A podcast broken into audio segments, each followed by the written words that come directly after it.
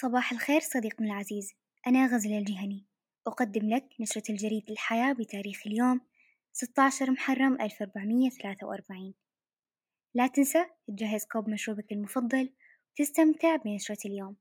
نشرة الجريد الحياة لجودة حياة تبدأ من الفرد إلى المجتمع.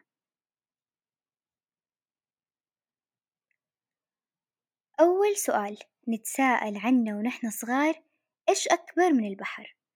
أصغر من سمكة الستاوت اللي يبلغ حجمها سبعة مليمترات بمعنى أقل من ربع بوصة. وإيش أعمق من البحر؟ وإيش أدفى من الرمل؟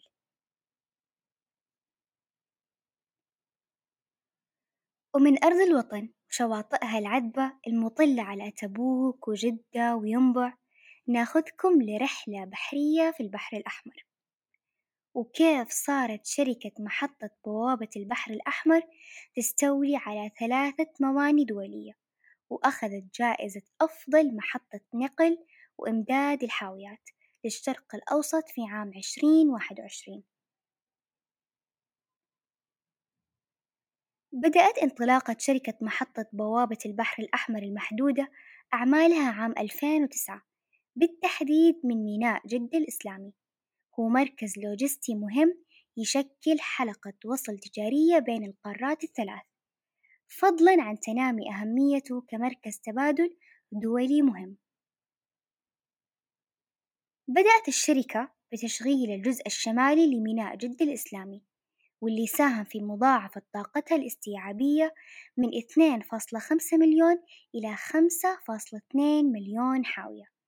لتصبح أكبر محطة حاويات في المملكة العربية السعودية. وعززت دولتنا الرشيدة في نمو وازدهار الشركة لكونها علامة محلية شهيرة وساهم الصندوق السيادي بشراء عشرين بالمية من أسهم الشركة. هي الخطوة الأولى لتغيير موانئنا المحلية لعالمية. قامت الشركة بنقل 2.8 مليون حاوية قياسية في عام 2020 وحينها وقعت صفقة استثمارية بمبلغ 1.7 مليار دولار. واللي راح تتضاعف طاقتها الاستيعابية في ميناء جدة عشان توصل لتسعة ملايين حاوية سنويا. ولأن جودة جريد تحث على حياة أفضل ننوه بعدم رمي الطعام والمشروبات في البحر ونحرص ونحافظ على صفاء ونقاء مياهه ساهم في نشر إنجازات وطننا العظيم مع أصدقائك المقربين وعلمهم عن جوائزنا. حلقة بودكاست جريد الموسم الثاني الترجمة علم وعمل مع فهد الهذلول تكلمت الحلقة حول الترجمة في صناعة جودة الحياة ودور المترجم في تصدير الثقافة وجذب الاستثمارات.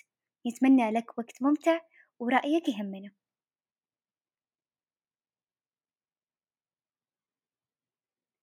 أحمد شخص شغوف ومطلع وحاب يفيد وطنه بطريقة غير تقليدية. أعطانا ثلاث نقاط تجعل منه مواطن محافظ على ممتلكات الوطن فتعالوا نتعرف عليها. واحد جمع البلاستيك والقوارير الفارغة على جانب الشاطئ. تصنيفها في صناديق عشان يسهل تمييزها. وممكن ترسلها للشركة السعودية الاستثمارية لإعادة التدوير عشان تعيد استخدامها كوسيلة رش للري بدل من المرشات الجاهزة.